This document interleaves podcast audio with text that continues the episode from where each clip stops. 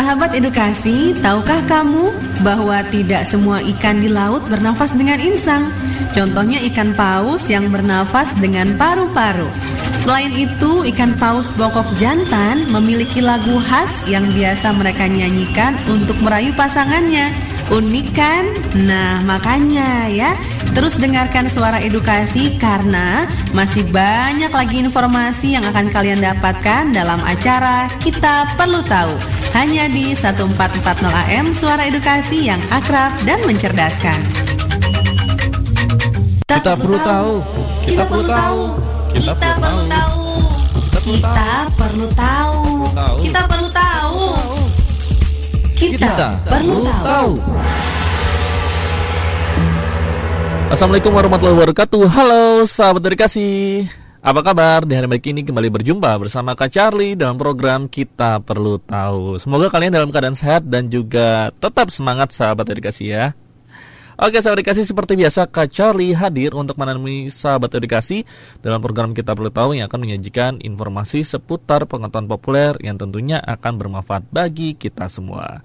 Dan sahabat edukasi Kak Charlie dari sendiri nanti akan ditemani oleh Kak Yesi juga ya sehingga akan meramaikan edisi kita kali ini. Dan seperti biasa sahabat edukasi kita perlu tahu juga membuka uh, kesempatan bagi Sobat Dikasih untuk berinteraksi bersama Kak Charlie ya.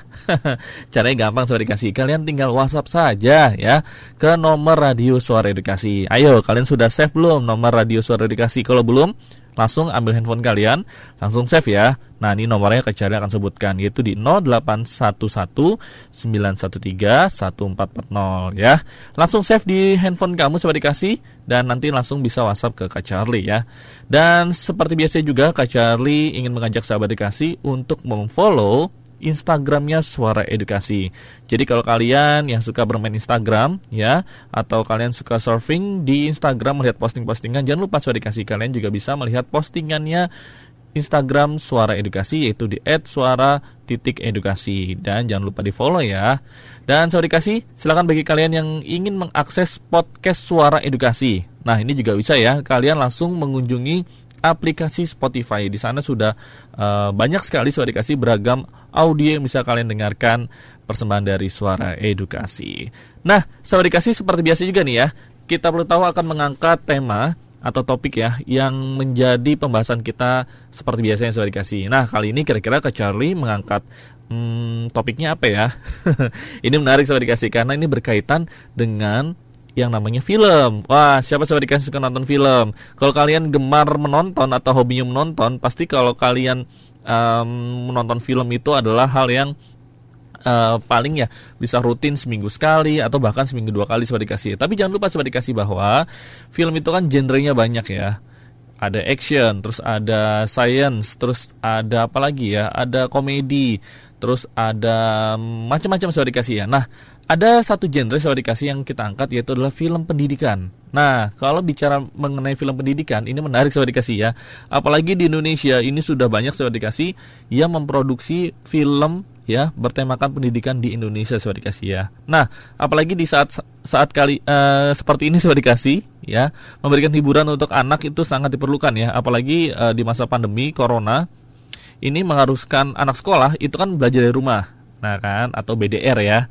Nah, maka sudah dikasih dengan orang tua memberikan hiburan ya atau kalian sebagai kakak memberikan hiburan kepada adik-adik kalian. Nah, ini supaya hmm, tidak stres di rumah ya, terlalu lama di rumah, ini juga bisa uh, diberikan uh, tontonan film seperti dikasih. Namun tontonan tersebut adalah film yang bertemakan uh, untuk anak-anak ya atau film pendidikan seperti dikasih yang di mana dari film tersebut seperti dikasih ini agar si anak mendapatkan sisi positif yang bisa diambil atau diterapkan dalam kehidupan. Nah, film tema pendidikan bisa menjadi solusi seperti kasih yang tepat untuk ditonton anak-anak bersama orang tua, bersama kakak, ya, bersama kakek ataupun neneknya, ya, dan juga bersama saudaranya. Selain mengandung unsur uh, pendidikan yang dapat memotivasi anak uh, supaya tambah semangat belajar, film-film pendidikan uh, biasanya juga akan memberikan unsur kekeluargaan yang hangat seperti kasih dan juga unsur persahabatan. Seperti salah satunya yaitu adalah film yang sama-sama kita tahu ya dikasih ya. Film Laskar Pelangi. Ayo siapa yang masih ingat dengan film Laskar Pelangi? Nah, ya kan kalau film tersebut sudah jelas sobat dikasih ya.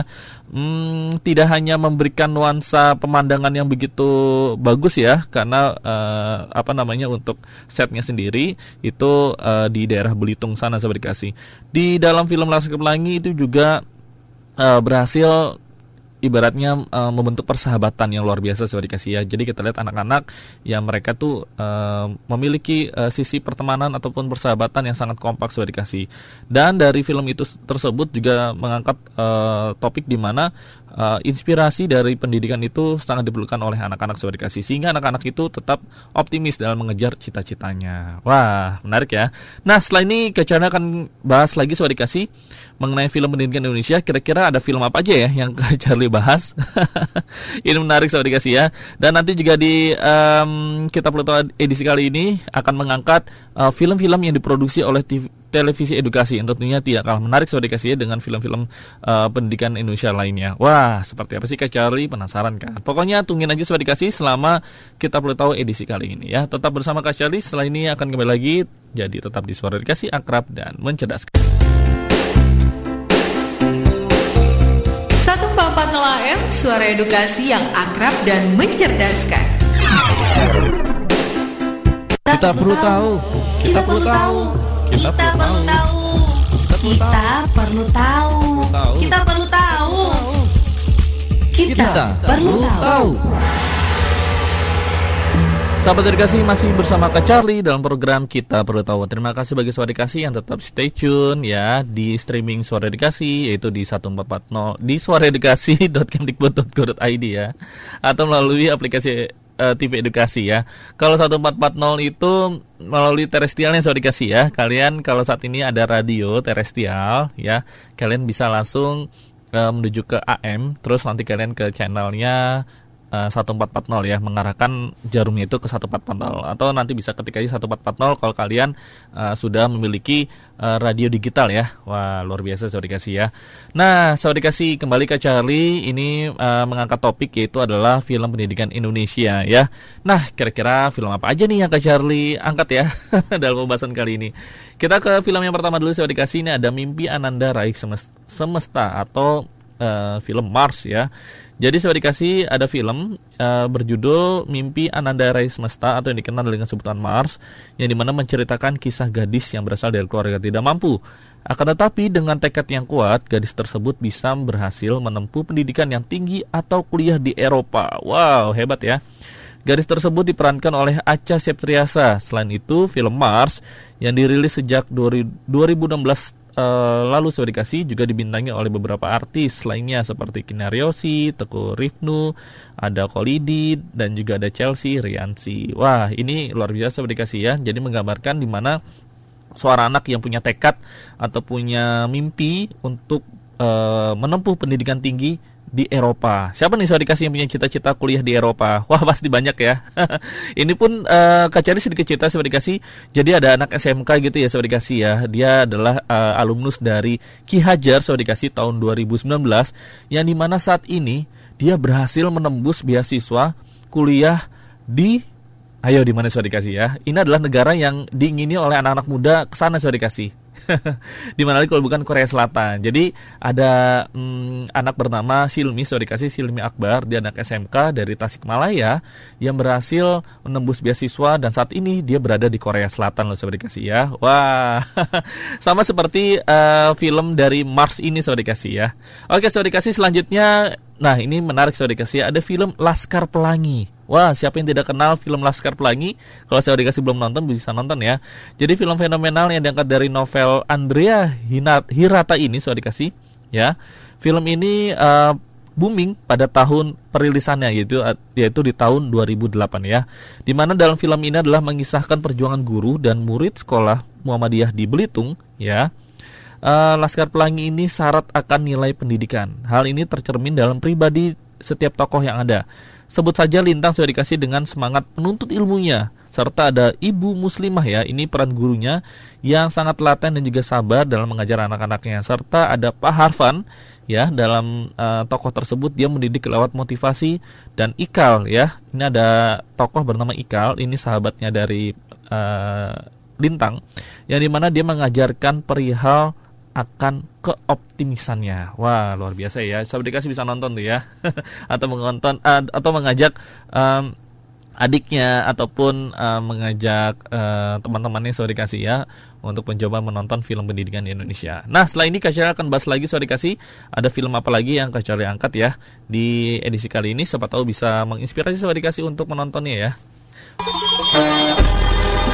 Suara Edukasi Frekuensi 1440 AM Menyajikan acara yang menarik, menghibur, dan mencerdaskan Kita perlu tahu. Kita perlu tahu. Kita perlu tahu. Kita perlu tahu. Kita perlu tahu. Kita perlu tahu. Sahabat Dedikasi kembali bersama Kak Charlie dalam program Kita Perlu Tahu. Tentunya masih di Suara Dedikasi akrab dan menjedaskan Ayo sahabat Dedikasi silakan bagi kamu yang ingin bergabung bersama Kak Charlie Bisa langsung WhatsApp ya di nomornya 0811-913-1440 Dan jangan lupa juga sahabat Dedikasi kalian bisa mengikuti Instagram Suara Edukasi yaitu di @suara.edukasi. Di sana nanti kalian bisa melihat Suara Edukasi ya berbagai postingan yang tentunya akan memberikan informasi bagi kalian. Dan sahabat edukasi, selanjutnya kita masih membahas yaitu adalah film pendidikan Indonesia. Nah, selanjutnya ada film apa lagi Kak Charlie? Ini menarik saya dikasih ya. Selanjutnya saya dikasih ada film yang berjudul Serdadu Kumbang. Nah, Serdadu Kumbang ini mengambil mengambil latar suatu desa di puncak bukit saya dikasih ya. Film ini bertokoh utama yaitu bernama Amek dan juga siswa SD yang tidak lulus ujian. Meskipun punya keterbatasan fisik ya berupa bibir sumbing, namun dia memiliki kelebihan dalam berkuda. Wah, luar biasa ya. Agar bisa lulus di tahun pengulangannya, ini Amek mendapatkan pengajaran tambahan dari kakaknya yaitu bernama Minun. Selain itu, dia juga berharap adiknya bisa mengejar mengejar cita-cita. Dan film rilisan tahun 2011 ini bisa ditarik dari uh, nilai pendidikan yaitu adalah humanis yang mendudukan manusia sederajat meskipun ada beberapa kondisi ya. Selain itu juga tampak uh, sifat yang mendidik lainnya berupa kegigihan anak-anak dalam meraih cita-cita meskipun dalam suasana keterbatasan dan ini pun juga bisa uh, mengunggah hati para penontonnya. Selain film Serdadu Kumbang ada lagi film yang juga menginspirasi dan juga bisa kalian tonton sudah dikasih yaitu adalah Jembatan Pensil. Jembatan Pensil melatar uh, belakang yaitu adalah perkampungan di Muna, Sulawesi Tenggara di mana di mana anak-anak sekolah dasar ini berusaha untuk bersekolah di sekolah gratis sudah dikasih. Mengambil tema pendidikan film ini menceritakan kegigihan sekolah ya dari Ondeng yang uh, memiliki keterbelakangan mental ya dan juga Aksa yang askal ya yang memiliki uh, disabilitas yaitu adalah tunanetra dan juga ada beberapa teman lainnya. Dan dari film ini tersilat nilai pendidikan seperti semangat dalam bersekolah meskipun memiliki akses yang sulit saya dikasih. Tidak hanya itu ya dari film ini mengambil pembelajaran bahwa pendidikan tidak tersekat oleh tembok dan bangunan saya dikasih ya. Wah ini benar banget ya.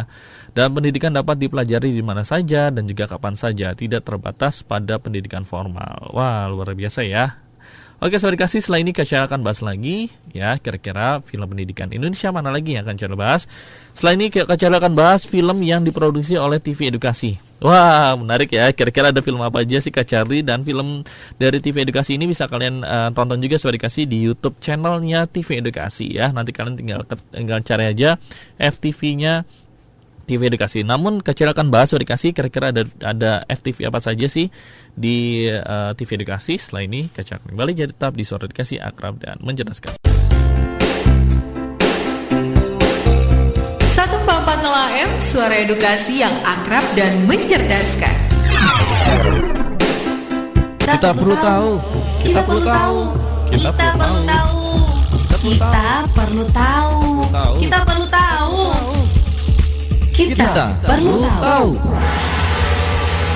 Sahabat edukasi kembali bersama Kak Charlie dalam program Kita Perlu Tahu. Dan sahabat edukasi jangan lupa ya Kak Charlie selalu mengingatkan bagi sahabat edukasi yang saat ini sedang beraktivitas di luar rumah ya ataupun saat ini kalian sudah melakukan sekolah tatap muka ya jangan lupa untuk tetap melakukan protokol kesehatan saudara dikasih. Menjalankan 3M itu penting saudara dikasih ya yaitu adalah memakai masker menjaga jarak dan jangan lupa mencuci tangan. Demi kesehatan kalian juga saudara dikasih ya. Nah saudara dikasih kita uh, kembali membahas yaitu adalah film pendidikan Indonesia. Nah kali ini adalah yang kita bahas film yang diproduksi oleh TV Edukasi Sobat Edukasi. Wah, menarik ya. Dan kalau kalian ke channelnya TV Edukasi, di sana ada beragam film yang bisa kalian tonton Sobat Edukasi, yaitu seperti film Mondok ya. Wah, ada film bernama atau berjudul Mondok. Di mana film ini Sobat Edukasi um, ada seorang anak bernama Raihan ya, yang di mana ini adalah luar biasa bandelnya. Siapa saya dikasih yang kalian pernah bandel nih ya.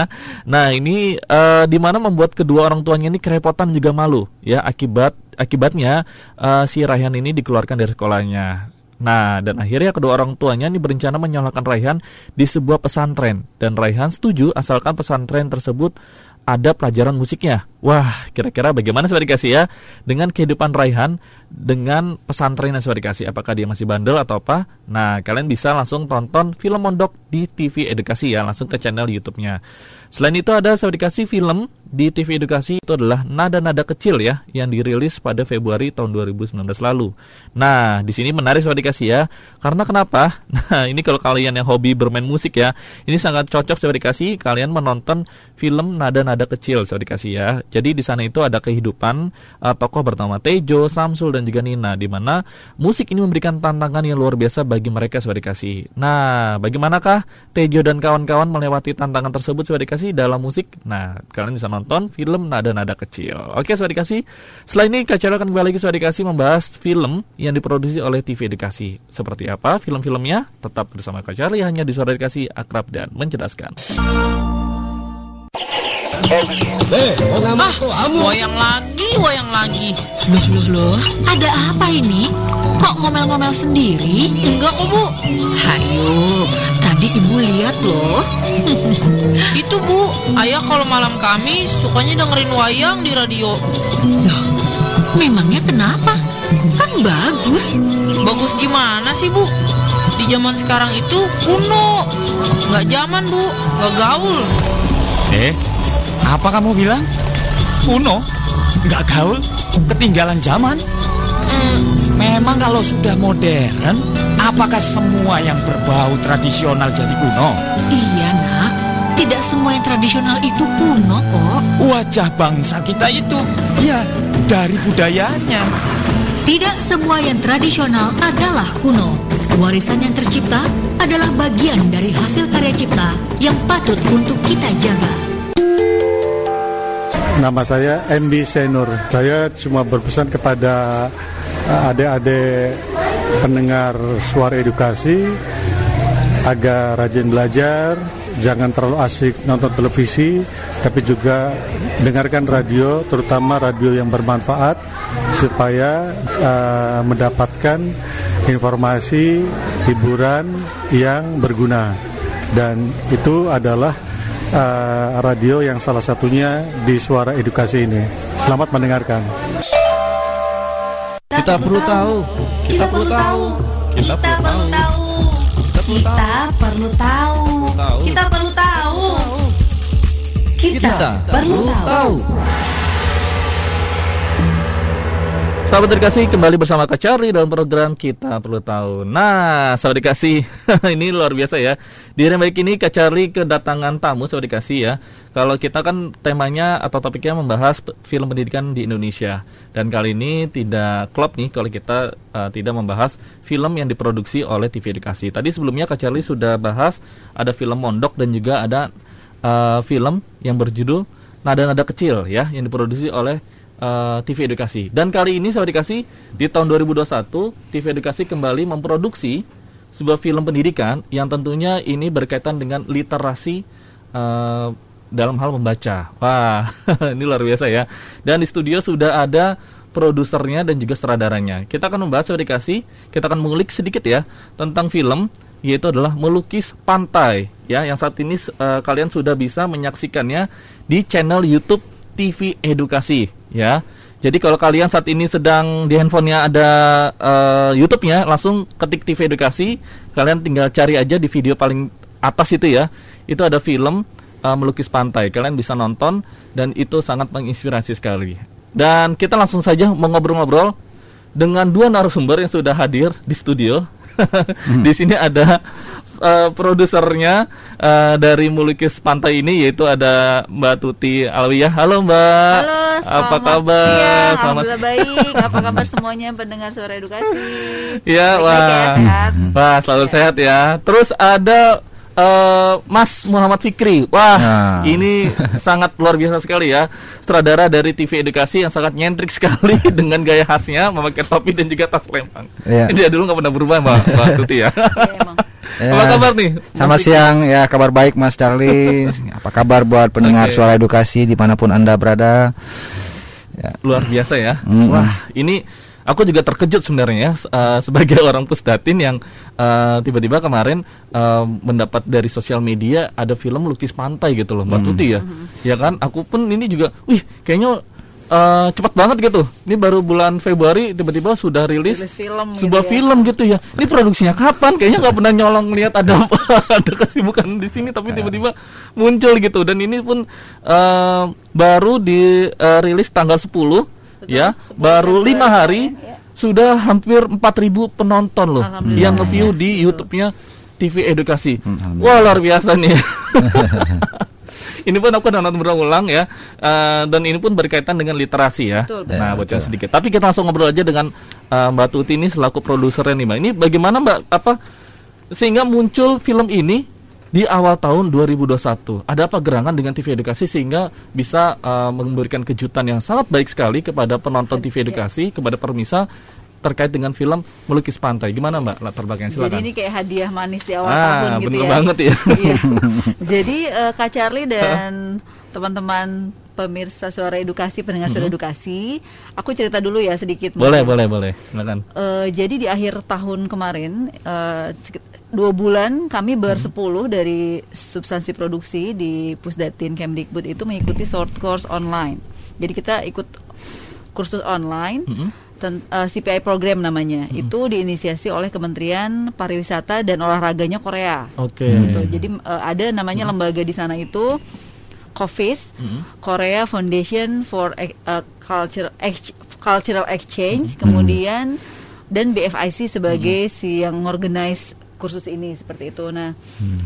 uh, selama dua bulan kami course, kami mendapatkan banyak uh, materi gitu ya, dan di akhir ada tugas akhir. Okay. Jadi kami membuat action plan. Okay. Gitu. Nah, action plan kami itu ada tiga kemarin. Hmm. Nah, salah satunya adalah tentang uh, budaya membaca di rumah.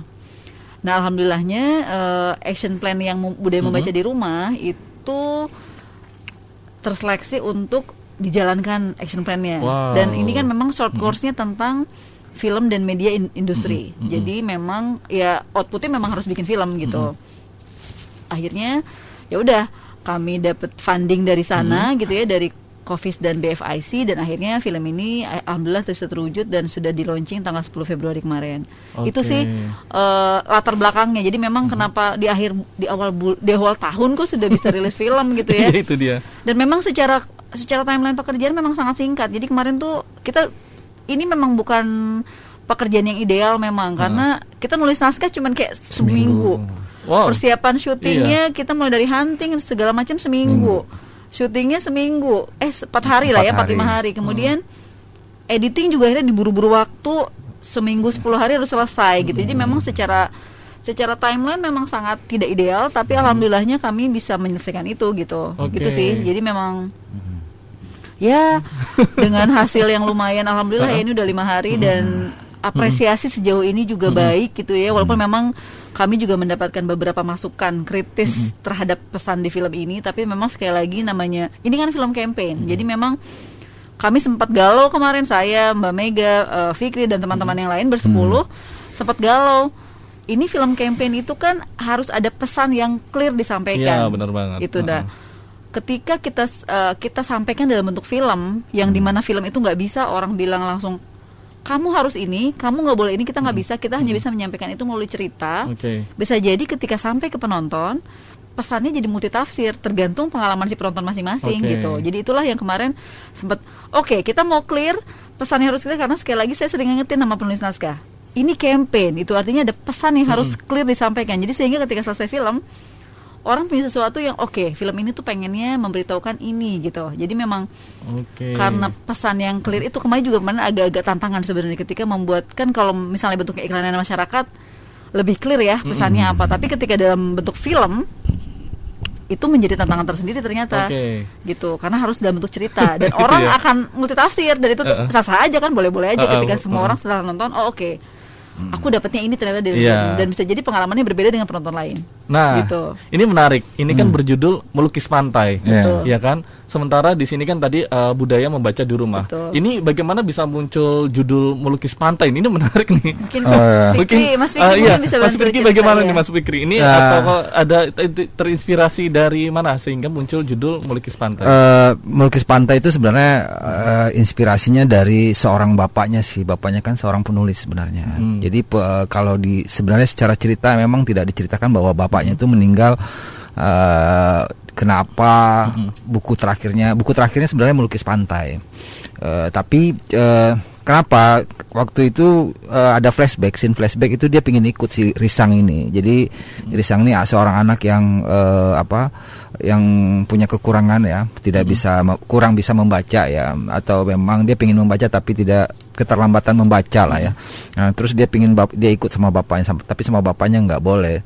Nah, akhirnya eh, buku terakhir itu memang judulnya melukis pantai yang dibuat sama bapaknya di Lombok. Jadi Oke. Risang itu sampai sekarang pingin eh, ik- apa eh, ada di Lombok ngeliat bapaknya. Sementara bapaknya dari Lombok itu nggak pulang-pulang lagi. Ternyata udah meninggal gitu sih. Jadi inspirasi melukis pantai itu adalah imajinatif eh, saya sebagai apa penulis sebagai ini sih eh imajinasi Simbol nggak? gitu simbol ya, aja simbol aja. simbol aja Oke. bahwa eh, pantai itu luas ya pantai itu biru Damai, pantai itu damai itu simbol aja sih jadi Iya. nggak ada pantainya sih di film Hmm, ini iya, film ini memang nggak ada pantainya. Uh, iya. Jadi itu itu lebih untuk Imajinatif aja, aja, ya. bahwa melukis pantai itu jadi salah satu judul buku Mm-mm. yang Ditulis terakhir ditulis bapak. oleh almarhum bapaknya dan itu menjadi kayak kayak apa ya kayak motivasi buat Risang si anak bungsunya ini yang oh aku tuh pengen ke Lombok. Dia nyebutin Lombok aku pengen ke Lombok. Jadi dia punya punya impian pengen ke Lombok tapi memang di akhir cerita memang nggak tercapai ke Lombok gitu ya karena ada satu dan lain hal. Jadi ini lebih kenapa jadi ini melukis pantai kenapa nggak ada pantainya ya gitu kan tapi memang ini lebih ke simbol aja sih dan Oke. dan melukis pantai kita kaitkan secara cerita sih secara visual ada di buku gitu Hmm. buku melukis pantai Oke, wah ini menarik banget ya dari film Hmm. ini ya. ini kalau sahabat dikasih belum menonton, langsung saja menonton melukis pantai yang tadi Mas Fikri bilang ini adalah suatu, suatu simbol ya, Hmm. di mana ini adalah imajinatif anak. Jadi kalian bisa langsung menyaksikan aja gimana sih ceritanya, langsung tonton ya. Oke, ini menarik terkait penokohan Hmm. ya. Tadi kan eh, Mas Fikri sudah menyebutkan ada Risang dan juga di sini dalam film tersebut ada kakaknya bernama Kirana, ya kan. Nah ini bagaimana eh, membentuk penokohan eh, dengan mereka dan juga ibunya yaitu bernama Indi. Iya. ya kan? Yang diperankan oleh Ratri Andin Diajati. Nah ini eh, bagaimana sih? Mungkin Mas Firki bisa cerita dulu ya. Dari dari dari apa namanya dari castingnya dan Iya. juga bisa membentuk penokohan seperti mereka. Ini sama kalau sahabat dikasih nonton kan ini nampak eh, Risang ini memiliki keterbatasan ya. Itu ya Nah itu bagaimana bisa membentuk seperti itu dan juga bagaimana peran si kakaknya ini dan juga ibunya sendiri. Ya, eh, dari proses penulisan skenario memang waktunya seminggu kita sempat fight di situ ya, artinya eh, ini tokoh lahir Indi, kenapa Indi, kenapa Risang, Iya, kenapa eh, ada Kirana. Kirana? Itu pasti ada sebab akibat ya, walaupun mereka dalam sebuah eh, satu keluarga ya yang tokoh yang kita ciptakan, artinya kan ini kan fiksi ya, kita ciptakan tokohnya, lahirlah eh, bapaknya seorang penulis Iya. novel karena kita urusannya dengan literasi, terus ibunya seorang eh, penari karena memang kita pingin ada kultur exchange-nya kita mengenalkan budaya kita juga. Ah, terus eh, setelah kita membaca skenario nih enaknya nih anaknya punya latar belakang walaupun film ini tidak kita ngomongin masalah disleksia ya. Oke. iya. Tapi ini bukan penyakit juga, tapi ini hanya ketergantungan. Iya, cerita- kenapa anak ini terlambat membaca ya karena disleksia gitu aja.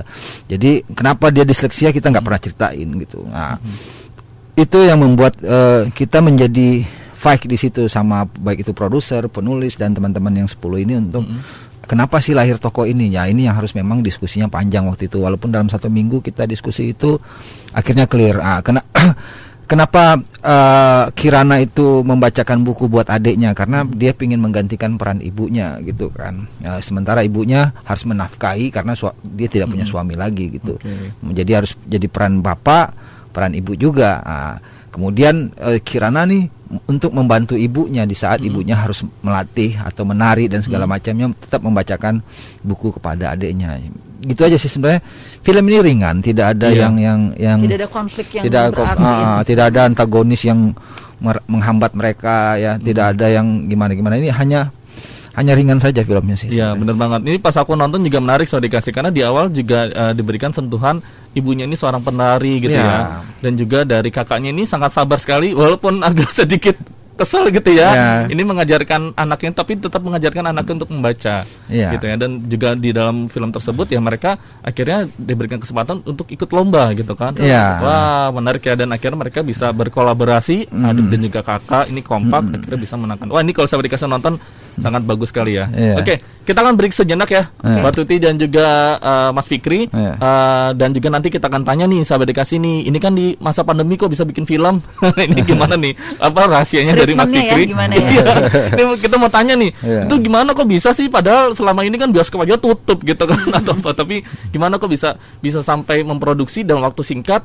Dan juga tadi, ya kan dibilang mepet, mepet, mepet, kok bisa gitu? Iya, Terus iya. juga pandemi ini kan harus ada uh, ber- beragam hal yang harus di uh, diperhitungkan, dipersiapkan lebih matang, Ya, betul. nanti kita tanya dengan Mas Ya. Fikri dan juga Ya. Mbak Tuti lebih jauh ya, bagaimana dari uh, segi manajemen dari si produksi film ini sendiri. Oke, sahabat dikasih. Jadi, oh ya, untuk sahabat dikasih silakan kalau kalian ingin bertanya langsung WhatsApp ke 0811 913 1440 ya WhatsAppnya sahabat dikasih langsung WhatsApp aja menanya ke Mas Fikri atau Mbak Tuti terkait film melukis pantai ini ya. Ya, Jadi tetap di suara dikasih akrab dan mencerdas. Suara edukasi. Kita perlu tahu. Kita perlu tahu. Kita perlu tahu. Kita perlu tahu. Tahu. Kita perlu tahu. Kita perlu tahu. Masih disiarkan di lantai 2 Gedung Geraha Media Pusdatin Ciputat Banten Sobat Dikasih. Masih di Kita Perlu Tahu tentunya di Suara Dikasih Akrab Mencerdaskan. Kak Charlie masih kehadiran dua orang hebat Sobat Dikasih ya? Ini dari TV Edukasi. Mereka ada eh, sang sutradara dari Melukis Pantai Yaitu ada eh, Muhammad Fikri dan juga ada ibu produsernya nih ya. Ada Mbak Tuti dong. Oh kakak ya Kita kalau bersama Sobat Dikasih selalu dipanggil kakak ya Iya. Luar biasa. Oke, kita masih membahas eh, melukis pantai yang tentunya ini sudah rilis sahabat dikasih sejak tanggal 10 Februari lalu. Jadi kalau sahabat dikasih saat ini eh, sedang eh, nonton YouTube ya, jangan lupa kalian tinggal ketik aja TV Edukasi, televisi edukasi di sana nanti ada eh, film melukis pantai. Bisa kalian tonton ya. Itu sangat eh, inspirasi sekali karena terkait dengan literasi membaca ya, budaya membaca di rumah. Nah, seperti apa sih dari filmnya? Langsung kalian tonton. Tapi kita boleh dong ngobrol-ngobrol terkait di balik ya dari film tersebut ya. Iya. Mungkin aku ke Mbak Tuti dulu. Boleh. Nih, ini tadi kan Mbak Tuti share of air membocorkan bahwa film ini juga akan loh eh, disiarkan apa ditayangkan di Korea gitu ya, ataupun tidak hanya di Indonesia. Tapi kan di sini PR-nya adalah bagaimana kita menggambarkan em, tetap Indonesia banget gitu kan. Nah, ini Mbak Tuti bisa ceritakan nih. Bagaimana Eh, mengemas ini supaya bisa nanti di sana bisa dikenalkan bahwa budaya Indonesia itu seperti ini gitu. Jadi secara secara primer sebenarnya kan pesan ini bukan tentang budaya, Mm-mm. bukan tentang budaya secara keseluruhan ya, tetapi spesifik kepada budaya membaca Oke. gitu. Tapi di, di sisi lain saya kemudian teman-teman yang lain berse- bersepuluh kami bersepuluh itu punya PR juga mengenalkan Indonesia dalam bentuk visual ke Korea terutama.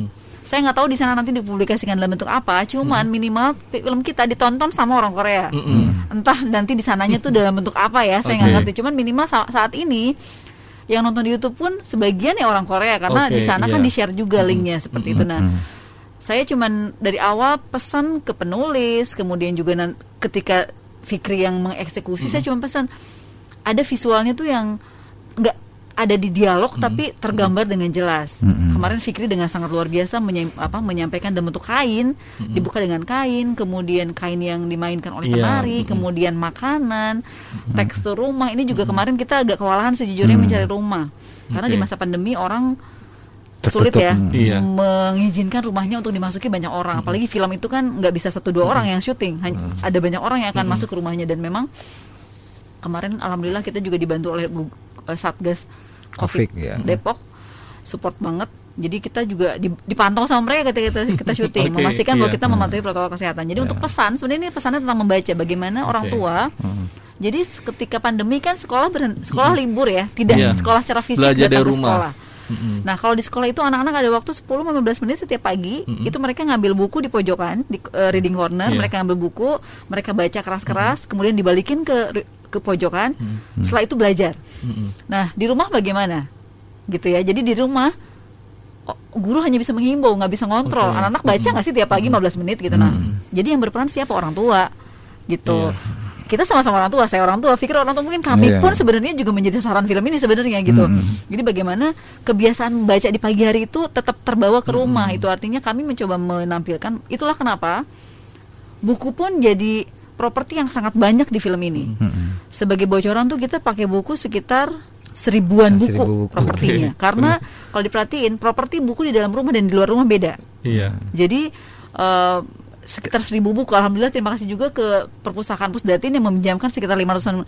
Kami membawa buku dari dari kantor diboyong ke sana juga.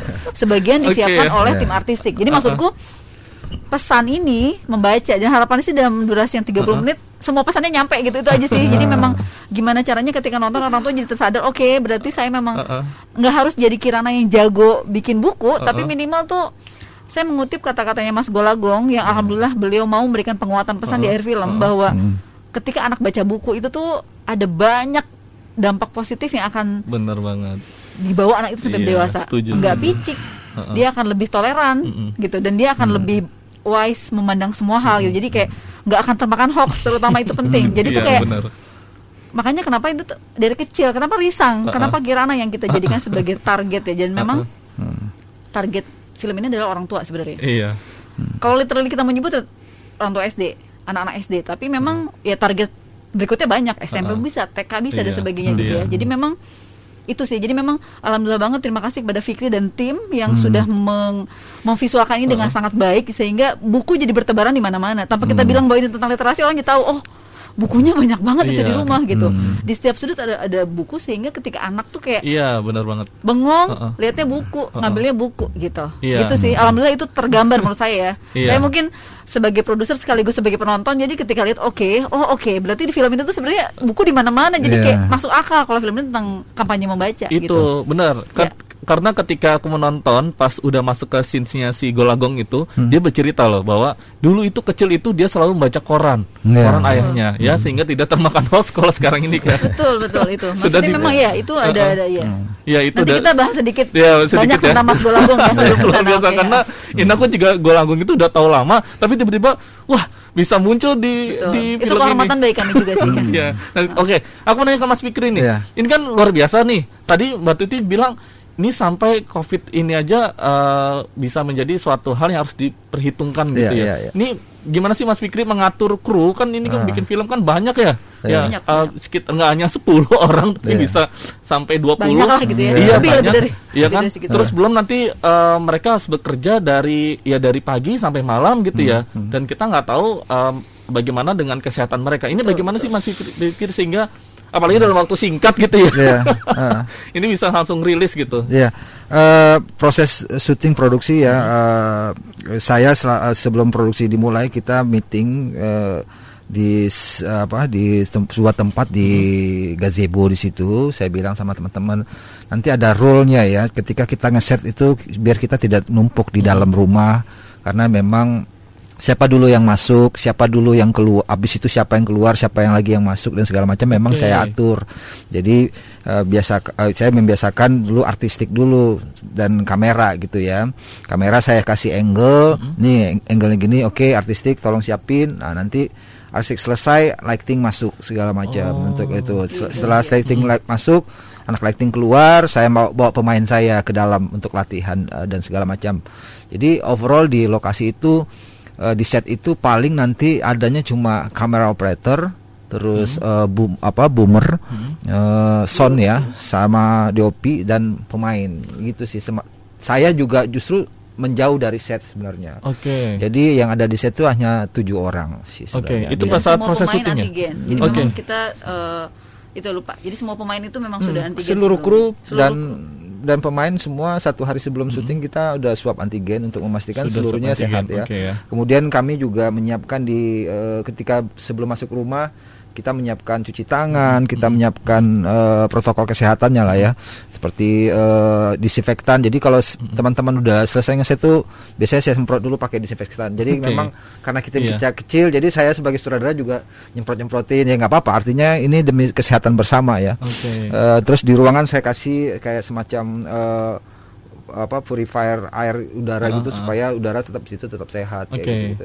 Nah, itu ya. Jadi memang itu. Jadi kita kan tahunya nih, sahabat dikasih tahu kan kalau syuting film itu kita lihat kan, misalnya Iya. di eh, apa di balik layar gitu banyak yang terlibat pada saat syuting gitu Iya. kan. Tapi ternyata Mas Fikri itu mengatur bahwa selama proses syuting tujuh orang ya, Iya. tujuh orang pas syutingnya ya. hanya, hanya di set. Hanya di Di set tujuh orang dan Ah. juga tadi sudah mengatur bahwa ya sudah di- tolong di, eh, artistiknya diatur dulu nanti kalau sudah Iya. dia keluar baru nanti eh, kamera operator masuk untuk proses syutingnya dan Mas Fikri pun ini juga menjaga jarak ya. nah jadi sahabat dikasih syuting itu juga melakukan 3M ya. Iya 3M cuci tangan sebelum masuk. Kita suruh-suruh kita siapin tempat cuci tangan ya kan? Terus nanti menggunakan masker. Jadi teman-teman saya menghimbau ke teman-teman jadi kalau maskernya udah nggak mulai nyaman kami nyiapkan kok masker. Jadi satu Oke. kali satu hari itu bisa tiga kali empat kali ganti masker. Oke. Jadi jadi memang eh, secara overall ya kita sama-sama menjaga ya. Namanya virus nggak kelihatan. Kalau virusnya Iya. kelihatan entar dulu deh. Gitu kan. Itu Dan alhamdulillahnya lokasinya tuh sangat luas. Jadi Iya. Banyak banget ruang terbuka. Jadi memang eh, semuanya itu nyebar. Saya aja saya tuh nengok set cuma beberapa kali saya nengok, saya keluar lagi, saya menjauh gitu. Dan memang beberapa memang akhirnya alhamdulillahnya tuh karena luas. Ruangan terima kasih juga kepada Ibu Maria Darmaningsi. Iya. beliau adalah ibunya Mbak Ratri. Iya. beliau Oke. mengizinkan kami. Beliau menawarkan justru menawarkan kami untuk menggunakan rumahnya sebagai lokasi syuting. Itu luar biasa. Kita susah banget nyari rumah saat pandemi Iya. ini. Iya, iya. beliau nawarin rumah. Jadi eh, beliau yang menawarkan kemudian di hunting dan sebagainya dan sesuai. Jadi ada penyesuaian set apa namanya tentu saja eh, melihat dari naskah dan Jadi- rumahnya emang luar biasa luas jadi Dua hari sebelum syuting hari H kita baru menemukan set. iya, iya, Serius itu. Iya. Wah, iya. Akhirnya kita secara artistik sebenarnya banyak kita rubah sih sebenarnya. dari kita harus tersebut ya? developing ulang artinya dari artistik, rak buku dan semuanya sampai meja-meja di rumah ma- di me- ruang makan dan segala macam Kita itu agak memang makeover rumah sih, makeover ya. rumah. Ah. Jadi eh, memang costnya lebih banyak di situ. Oke. Ah, ah, Jadi eh, produser bilang ini kok setengah harga ya. Waduh, gimana lagi gitu ya kan overall ya toh makanya kita bil- bilang saya bilang sama dia saya meyakinkan bahwa ya tenang aja ini pasti bagus kok dan alhamdulillah artistik meyakinkan bahwa kami eh, dia meyakinkan dia bikin 3D-nya eh, bentuk looknya seperti apa filmnya nanti itu juga oh, sehingga Sudah kita tergambar dari tergambar awal ya, dari sudah awal sehingga tergambar. kita yakin bahwa film ini secara mise en scène-nya juga akan baik gitu aja sih Oke. Karena memang properti itu menjadi salah satu Iya, saya pikir jadi banget. kekuatan banget. Mm. Sekali lagi karena ini film tentang pesan Heeh. yang nggak mungkin kita secara gamblang sampaikan secara Mm-mm. To the point gitu Iya. ya. Kita hanya bisa mengandalkan visual gitu dan juga sekali lagi ini film sebagai kayak yang ngasih lihat budaya kita ke ke terutama ke Korea ya. Kita nyebutnya Korea karena Korea menjadi salah satu. Founding. eh, found- apa ya eh, yang menyediakan dana untuk film ini Oke. seperti itu. Nah, ini kan tadi menarik. Itu berarti ada beberapa beberapa properti yang dibawa dari eh, yang di- dibawa ke rumah tersebut ya. Mostly semuanya kita bawa. Semu- semuanya dibawa. Iya. Termasuk Hampir kalau semua. di ruang makan itu asli dari sana atau gimana? Yang meja Eh, makan, terus meja juga dibawa. meja meja. makan eh, kita tacap sih sebenarnya kayak Aha. kursi kita Iya. bawa. Jadi eh, Sofa kalau dibawa. saya perat kalau saya ikutin dari eh, proses eh, de- eh, apa ngedress gitu eh, ngedress lokasi itu ngeset ya itu set building itu kita butuh dua truk mau kendaraan untuk Nah. untuk Iya. datang ke situ bolak-balik. Jadi walaupun ini film pendek ternyata apa effort Iya. effort artistiknya cukup cukup besar gitu ya. Iya. 90% kayaknya ya, 90% barang dari luar. Dari itu luar. dia Iya. makanya bikin film 5 menit aja butuh proses Iya. lama Mas Fikri ini 30 menit. Ya itu yang dalam kami waktu rasakan mepet ya. Iya. Dalam waktu mepet memang dan Heeh. eh, saya kok nggak dibikin ya nggak sempat kita bikin bukannya Iya. nggak bisa karena memang ya itu waktu kan ya udah akhirnya kita banyak nyewa barang dari kita percayakan artistik dengan bentuk 3D yang udah diciptakan sama dia dan udah presentasi sama produser saat itu ya alhamdulillah di ACC kan akhirnya ya kita bisa jalan sesuai dengan apa rencana gitu aja sih mas Itu baru untuk properti menyiapkan properti ya untuk Iya. persiapan syuting. Terus membentuk si latihan bersama Um, itunya bagaimana itu kan? kita kita melalui Si- casting aja Hah? kita um, online ya online. Oh semuanya online. ya. Eh, Jadi kita itu- nggak datangin Itu pemain. beda loh mas. Em, kan harusnya kan eh, biasanya kan datang. Iya. Sutradara harus ngeliat langsung gerak tubuhnya atau Casting bagaimana. sama reading pemain semuanya Iya. online. Itu online itu Iya. Mas Fikri. Nah, karena saya satu kuncinya dalam uh, kalau saya sebagai Uh-uh. sutradara saya selalu cari orang yang lebih smart sih sebenarnya. Oke. Kenapa orang smart bukan ganteng? Bagi saya ganteng itu nomor sekian, tapi Relatif smart ya, ya, relatif ya. Kalau anak smart bagi saya kita enak mentreatmentnya. Dia pasti nangkapnya lebih cepat. Oke. Gitu. Jadi uh, kayak Mbak kalau Mbak Ratri sebenarnya uh, dia itu interest banget ikut, Uh-uh. pingin ikut di main di sini. Jadi kalau orang udah interest banget pingin ikut, pasti dia juga Iya, all- pasti all out totalitas ya. Ya, Effort, all out Effort juga untuk main gitu. Tinggal kita, saya punya Astrada uh, acting coach yang bisa melatih mereka melalui online. Nanti tinggal saya bilang treatmentnya adalah ketika kita uh, di lokasi nanti treatmentnya begini-begini. Saya udah kasih tahu Astrada, uh, Astrada saya untuk mentreatment pemain. Jadi karakternya begini-begini. Udah itu yang terjadi di lapangan. ya emang mau gimana lagi gitu kan kondisinya Iya. memang pandemi Iya. eh, dan dengan Luar cara biasa. seperti itu. Jadi pun kita reading online pakai pakai online. Iya, semuanya online. Aku Semuanya baru tahu online. loh casting ini online ini luar Iya, biasa ya. iya. Tapi emang emang harus butuh sutradara sepertinya yang punya Iya. rasa yang langsung eh, langsung apa ya langsung feeling, intuisi, langsung feeling itu intuisi, itu intuisi itu ya. Taste-nya langsung masuk ya. Wah makanya aku pikir ini kan menjadi soal em, apa apalagi si Risang ini kan Hmm. memerankan Risang yang dia harus gimana caranya dia eh, memiliki keterbatasan itu kan Iya. memainkannya itu kan juga Iya ah, kar- karena dia pintar, Iya. Pintar, anaknya sekolahnya pintar, dia Oke. jago bahasa Inggris juga, dia Oke. cepat paham dan ngerti kenapa saya menjadi anak seperti ini, Se- gua- saya jelasin sama. Terus kenapa Kirana kamu jadi kakak yang suka membantu Oh. adiknya, kamu membaca karena kamu menggantikan peran ibu ketika ibumu menari dan segala macam. Bukan berarti ibu tidak bisa karena ibu nggak fokus aja karena harus dua fokusnya menjadi bapak dan ibu aja. Oke. Di saat kamu udah put- di saat Risang itu udah frustasi kamu ajarin dia dia berontak gitu. Kok kayak gini caranya? Bukan Iya. kayak bapak saya bukan kayak ibu saya ngajarin tapi kok kayak kakak. Itu itu hanya frustasi kecil aja. Itu berapa hari mas? Eh mentreatment mereka gitu? Satu hari aja sih satu hari aja? Oh, Nah, itu jadi hari H. Jadi kita tuh baru ketemu pemain.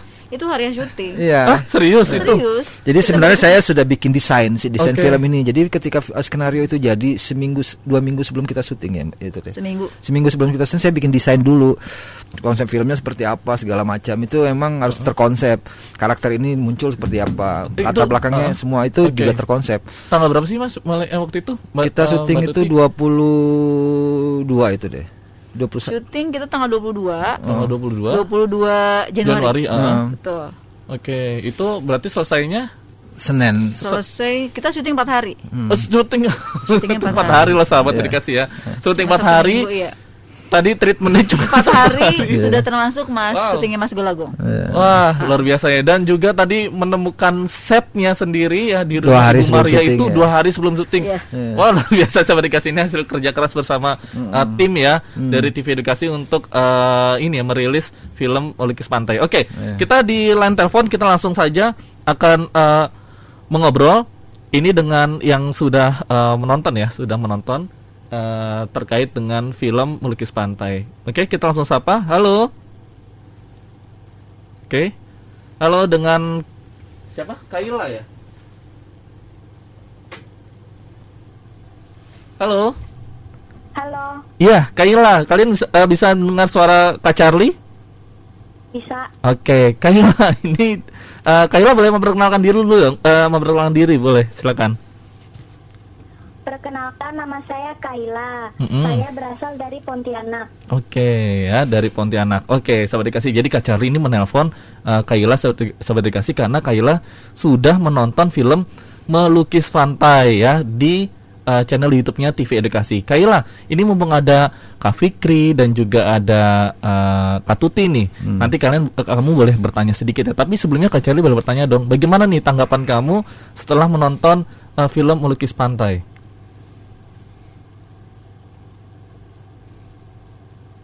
Halo, Kaila?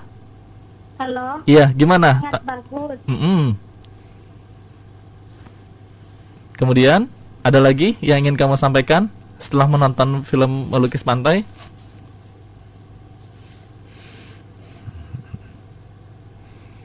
Kamu nontonnya dengan siapa, Kaila? Atau dengan mama. oh dengan mama wah ini memang cocok ya mbak yeah, uh, mbak yeah. Tuti ya jadi hmm. memang didampingi orang tua itu orang tua pun juga nanti bisa tergerak ya betul, betul. terinspirasi dari hmm. hal tersebut oke okay.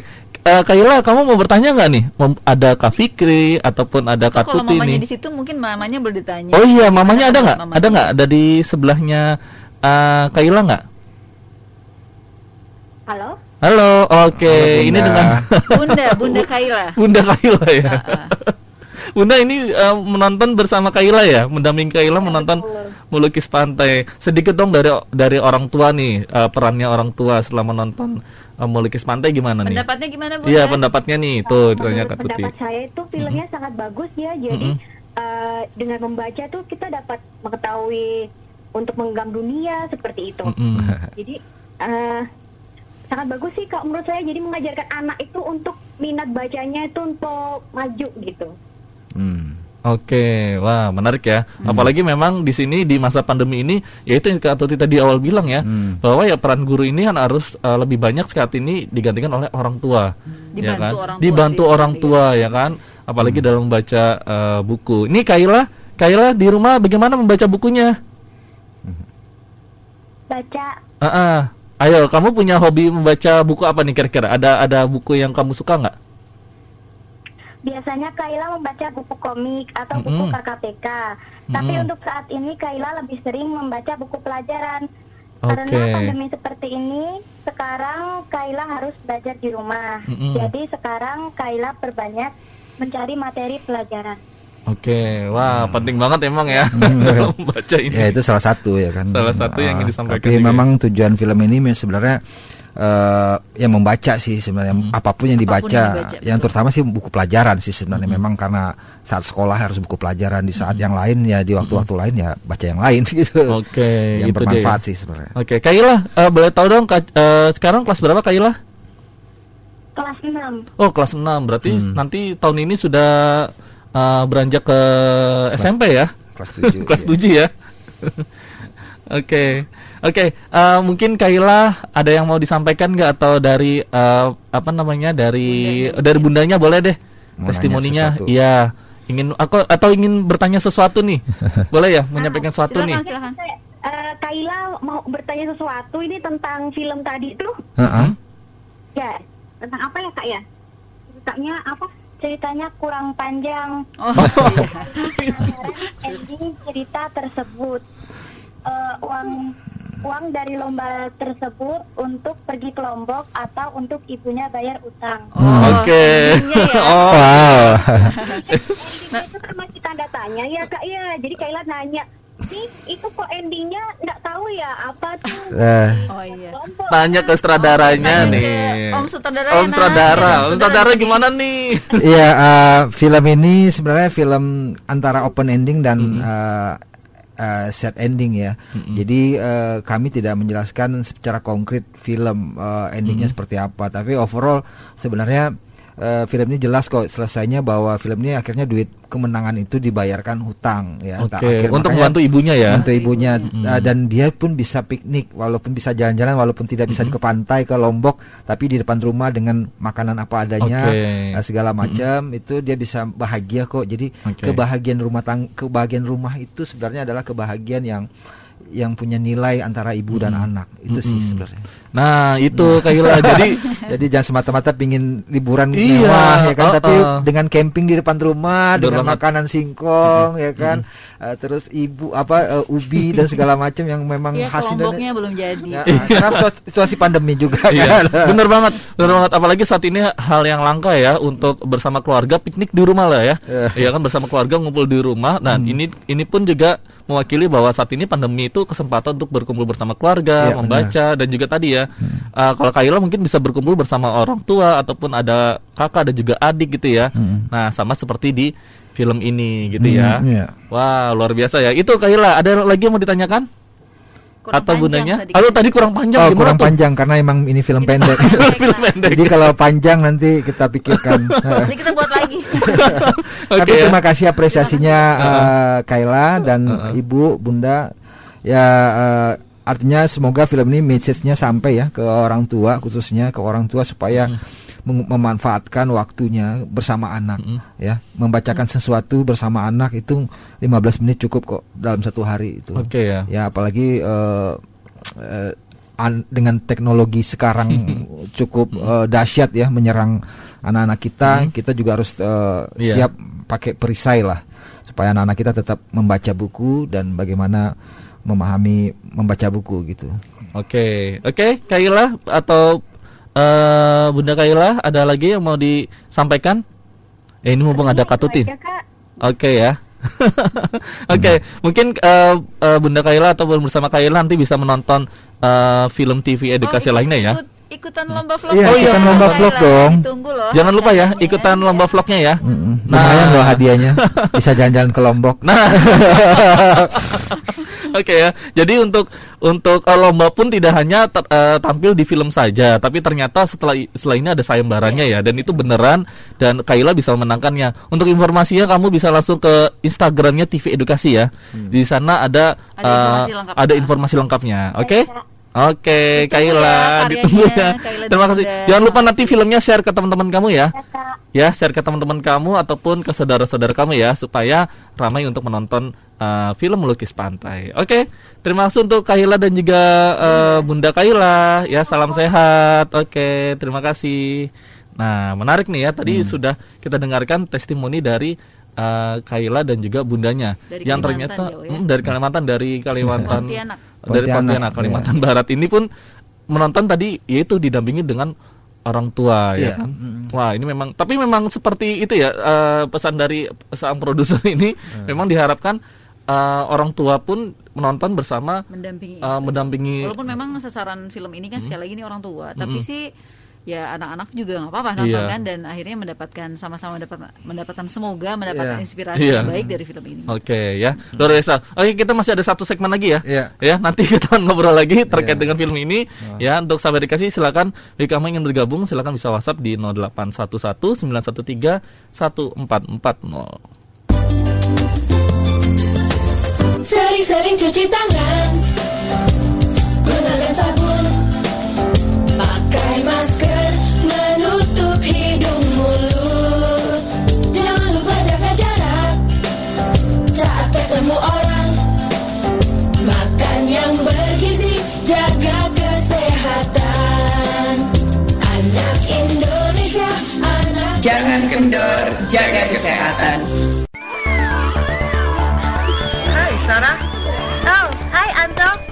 Ayo, kamu dapat dari mana audio itu?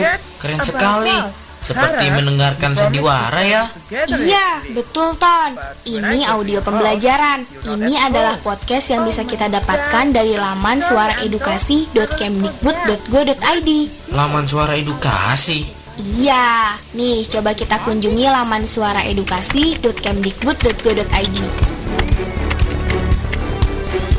Nah, ini dia nih. Wah, iya keren. Iya dong. Sekarang coba kita pilih jenjang SMP ya. Wih, banyak banget materinya. Iya dong. Semua itu adalah mata pelajaran yang dibuat dengan menarik dalam bentuk audio supaya kita tidak bosan saat belajar. Ayo, Tony, kalian sedang apa? Ini Pak, kami sedang membuka audio pembelajaran di suara edukasi. Wah, bagus itu. Di Suara Edukasi memang banyak materi pembelajaran disediakan dalam bentuk audio dari mulai jenjang PAUD, SD, SMP, dan SMA. Bahkan pengetahuan untuk umum juga ada. Selain didengarkan secara langsung, kalian juga bisa mengunduh audio itu. Jangan lupa juga, suara edukasi juga bisa diakses melalui smartphone. Nih, coba. Wih, keren. Iya, di Suara Edukasi, selain menghibur, ada banyak informasi, pelajaran yang tentunya bermanfaat buat kita. Apalagi mudah aksesnya. Tinggal ketik suaraedukasi.kemdikbud.go.id. Tepat sekali, Ayu. Dengan membuka suara edukasi, belajar jadi lebih seru dan menarik. Iya, karena suara edukasi itu akrab dan mencerdaskan.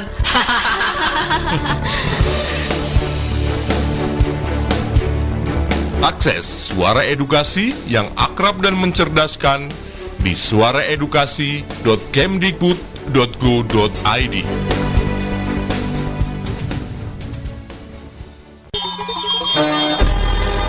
Suara Edukasi. Frekuensi 1440 AM Menyajikan acara yang menarik, menghibur, dan mencerdaskan Kita perlu tahu. Kita perlu tahu. Kita perlu tahu. Kita perlu tahu. Kita perlu tahu. Kita perlu tahu. Sahabat edukasi masih bersama Kak Charlie dan juga Kak Charlie ditemani oleh uh, Kak Fikri ya, sutradara dari Melukis Pantai dan juga kesempatan yang sangat baik sekali ada sang produser dari Melukis Pantai ada Kak Tuti Alawiyah ya. Masih semangat ya, kakak-kakak yang luar biasa di sini. Ini pasti uh, juga menjadi uh, cita-cita atau yang diidamkan oleh anak bangsa menjadi seorang sutradara, menjadi seorang produser ya kan? Enggak juga lah. Hah? Enggak juga. Profesi banyak. profesi banyak ya. Tapi benar ya menjadi seorang sutradara ini benar uh, tadi wah luar biasa ya. Jadi sampai membutuhkan waktu film itu cuman butuhkan waktu seminggu lah ya. Membuat uh, mentreatment uh, Kita tokoh persiapan tuh tiga minggu. tiga minggu ya. Tiga minggu dari pembuatan naskah, eh, Dari seminggu pra- persiapan, ya seminggu syuting. Jadi udah tiga minggu ini udah Oke. sama syuting produksinya. Jadi overall nggak ideal dia, Jangan di- tapi jangan ditiru jangan ditiru. Tapi tidur kan ya? Ya antara Tidurnya ya, mimpi syuting. Mimpi syuting. ya karena kami partner ya, partner saya sama Mbak Tuti ini udah partner tiga tahun empat tahun ini, jadi kita udah tahu sama tahu ya? bagaimana kerja kita masing-masing dan saya percaya sama beliau secara manajemen dan dia beliau secara kreatif dia udah percaya. Jadi Oke. overall kita udah asik aja jalannya. Aku harus kayak gini gini gini dia udah tahu gitu. Oke.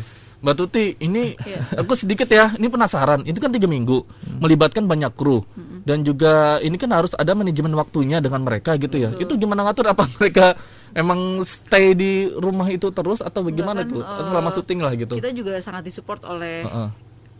internal Pusetin. Maksudnya Heeh. walaupun memang ini project berasal dari Kofis dan BFIC, tapi tentu Hmm. saja dalam perjalanan pekerjaannya kami, Hmm. saya sama Fikri sama dan teman-teman bersepuluh ini harus tetap konsultasi. Heeh. Sama dengan Iya, apalagi menjaga atasan, kesehatan mereka kan betul. di pressure terus Maksudnya, menjaga kesehatan eh, mereka gitu. Semuanya tuh di bawah kontrolnya Mas Eka, Bang Majid. Terima Heeh. kasih banyak mereka Hmm. sangat support juga Sangat untuk support, itu ya. gitu. Jadi memang kru kan eh, s- kita ada sebagian dari kru internal dan Mhm. sebagian Dari dengan luar. kru dari luar karena Mhm. di saat yang sama kami juga sedang syuting BDR Mhm. Oke. untuk tayang TVRI betul jadi kami agak-agak harus bagi SDM kan Iya. gitu nah kemudian kalau untuk kru sih relatif tidak terlalu banyak kerintangan sih maksudnya Iya. tidak terlalu ini Tapi mereka memang sudah terbiasa. sebagian juga kita Heeh. online jadi online Oke. tuh lebih fleksibel waktunya kita bisa ngaturnya lebih fleksibel kalau Oke. kru tuh eh, relatif aman kalau tadi Fikri bilang saya sama Fikri tuh kayak punya jalur ma- Heeh. kayak punya Hmm. kita tuh kayak udah punya jalur masing-masing gitu kerja tapi Heeh. kita tujuannya sama gitu ke tempat yang sama tapi jalurnya jadi nggak saling nyenggol gitu jadi Iya. mungkin Iya.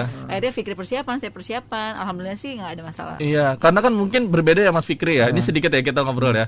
Kan berbeda sedikit kan di produksi film sebelumnya kan memang kan tidak di era pandemi gitu ya. Iya, kan? Sementara ini kan benar-benar Iya, wah betul. menyelesaikan banget. memang Tapi banyak banyak Heeh. banyak hal yang harus kita adjust memang jadinya memang mungkin jadi nggak ideal M- mungkin Iya. ya jadi tapi ya saya pikir nggak cuman nggak cuman di dunia produksi Heeh. seperti itu di semua hal sih saya Semua pikir hal harus adjust harus Ah, betul, menyelesaikan. betul. Iya. menyesuaikan dengan kondisi Mas Charlie. Nah. Jadi eh, bagaimanapun kreativitas kita jalan tapi kondisinya kita harus rubah adjust Oke. ke yang lebih ke apa ya Oke. situasinya emang begini gitu Iya. kita mau gimana lagi kan Tapi ini menjadi sebuah cerita tersendiri ya bagi Ini semoga Nah. sih menjadi momen manis Momen buat manis kami ya. terutama yang kami bersepuluh gitu Iya. gedubrakan nyiapin dan sama salahnya syuting selesai kita tuh Uh-uh. juga tetap nggak bisa tidur Iya. karena Fikri ngejar pasca Uh-uh. saya dan teman-teman lainnya nyiapin Iya. launching Oke. itu juga proses yang paskanya juga cukup ya jadi sebenarnya itu belum aduh. selesai. Kami kerjanya belum selesai. Sampai satu- nanti tanggal 22 Februari Itu dia. ya. satu bulan itu emang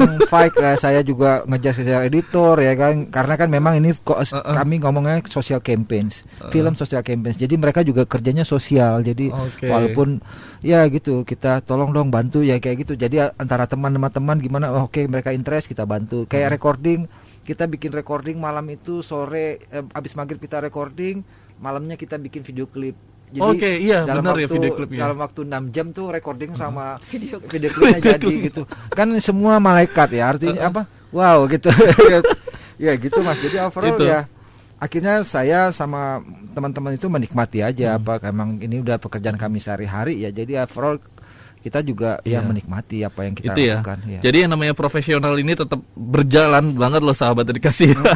Karena ya benar ini suatu kesaksian yang aku juga baru ngeh diproduksi dalam waktu singkat ini luar biasa banget ya. Hmm. Oke, nah ini kan menariknya pada eh, kalau nonton di YouTube-nya di Hmm. menit ke 25 ke belakang itu kan ada eh, profil dari Gol Agung nih. Hmm. Ya kan? Nih gimana Mbak Tuti bisa menghadirkan Gol Agung seorang sastrawan Indonesia yang Hmm. juga terkenal dengan tulisan-tulisannya, novel-novelnya termasuk Balada Siroy itu. iya. Ini gimana kok bisa masuk ke dalam eh, cerita ini? Jadi saya pertama kali menghubungi Mas Gong itu lewat telepon. Mm-mm. Saya kenalan, saya juga belum pernah ketemu Oke. sebelumnya. Mm-mm. Cuma memang saya udah sudah tahu lama Mm-mm. tentang Mas Golagong, tapi memang tidak terlalu uh, concern memperhatikan uh, karya beliau Mm-mm. gitu ya. Tapi memang uh, saya telepon, saya ceritain kita punya punya punya project ini dan sebagainya. Kemudian Mas Gong mau bantu. Oke. Jadi setelah itu saya ngajak teman-teman beberapa teman untuk riset ke sana, ngobrol banyak. Saya pikir untuk seorang legend ya, maksudnya seorang novelis senior yang luar biasa yang karyanya udah ratusan menerima kami lesehan duduk berjam-jam untuk ngobrol. Saya pikir itu luar biasa terima kasih sekali Oke. untuk Mas Gong dan Rumah Dunia. Jadi akhirnya setelah ketemu Mas Gong oke saya saya bisa bantu apa? Mas Gong saya butuh orang Mm-mm.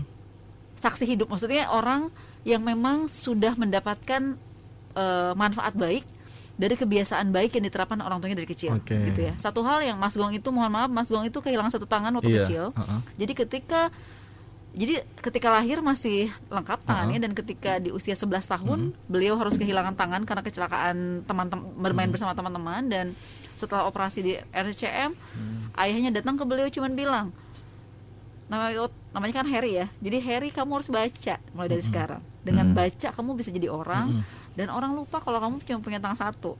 Jadi itulah kata-kata orang tua kekuatan orang tua doa orang tua yang menguatkan Mas Oke. Gong. Dari situlah titik balik hidupnya menjadi senang baca.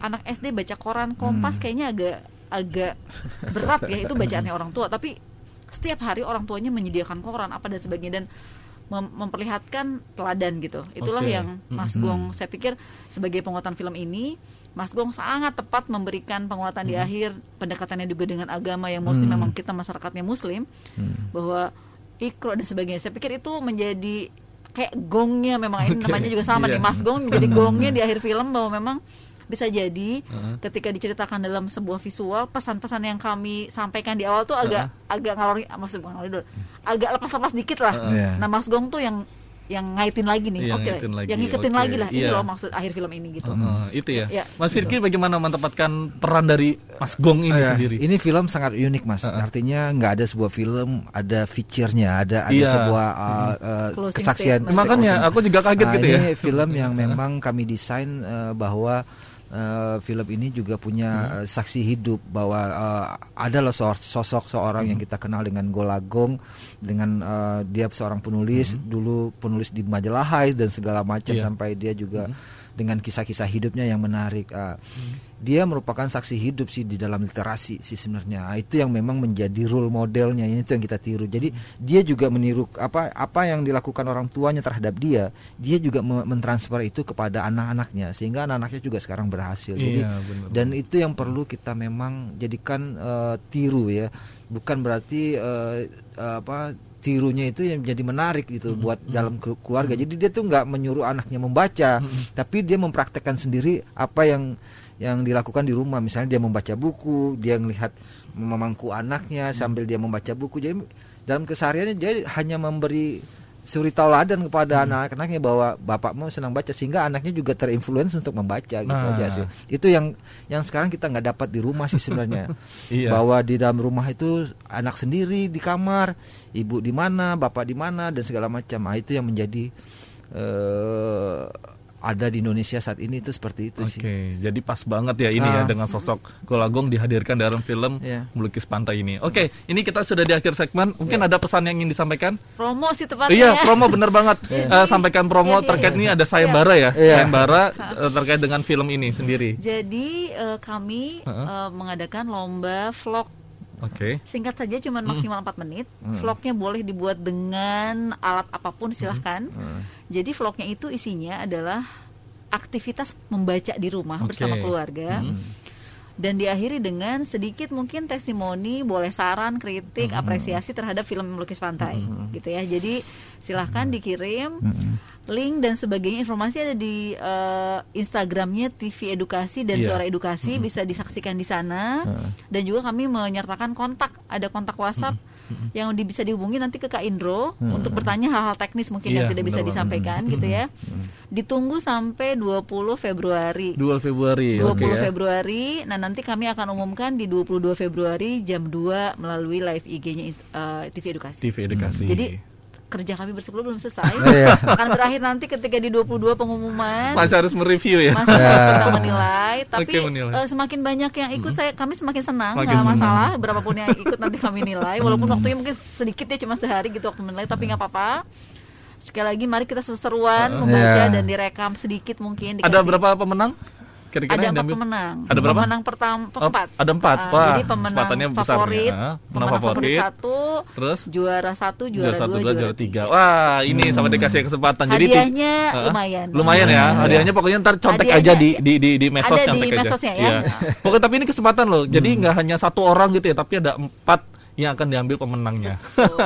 Jadi kalau kalian sudah dikasih terinspirasi ingin membuat film seperti Kak Fikri tadi dan juga ada uh, Kak Tuti ya, kalian bisa bersama orang tua gitu ya, aktivitas Iya, membaca di aktivitas rumah. membaca Terus aja. nanti bisa komentar terkait dengan film melukis Ya pantai. komentarnya sedikit aja cukup tiga Ya. detik gitu ya. Sisanya silahkan Hmm. eh, perlihatkan kepada dunia bagaimana aktivitas membaca di rumah. Oke, itu ya.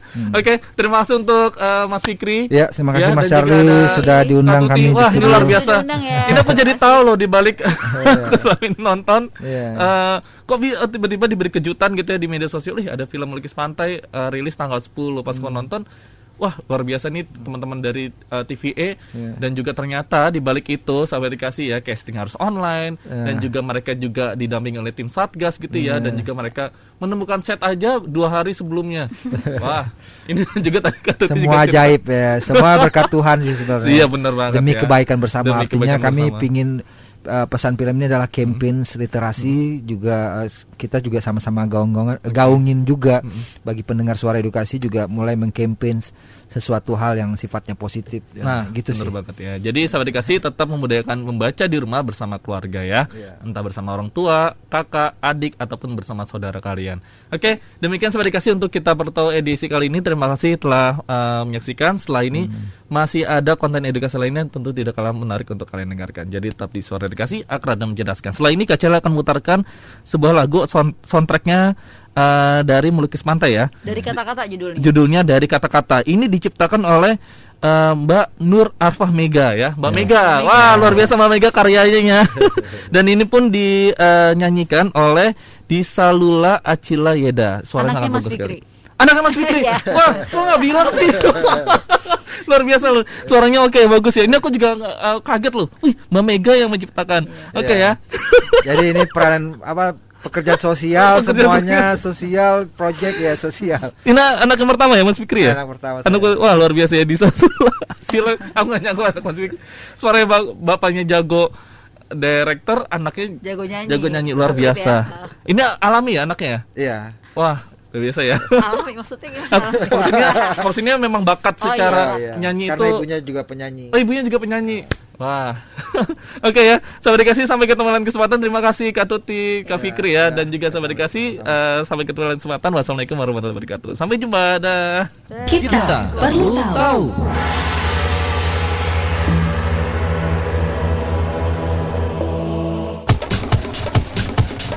dipersembahkan oleh Suara Edukasi. Demikian tadi sajian acara Kita Perlu Tahu. Semoga bermanfaat. Simak dan dengarkan terus Suara Edukasi.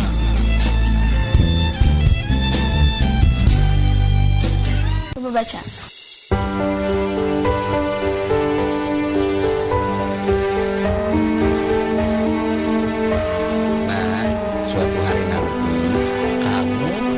bisa menjelajahi dunia dengan imajinasi kamu. Suara angin mengalun menari Debu rombak turut mengiringi Hamparan pasir putih Pancarkan butiran kasih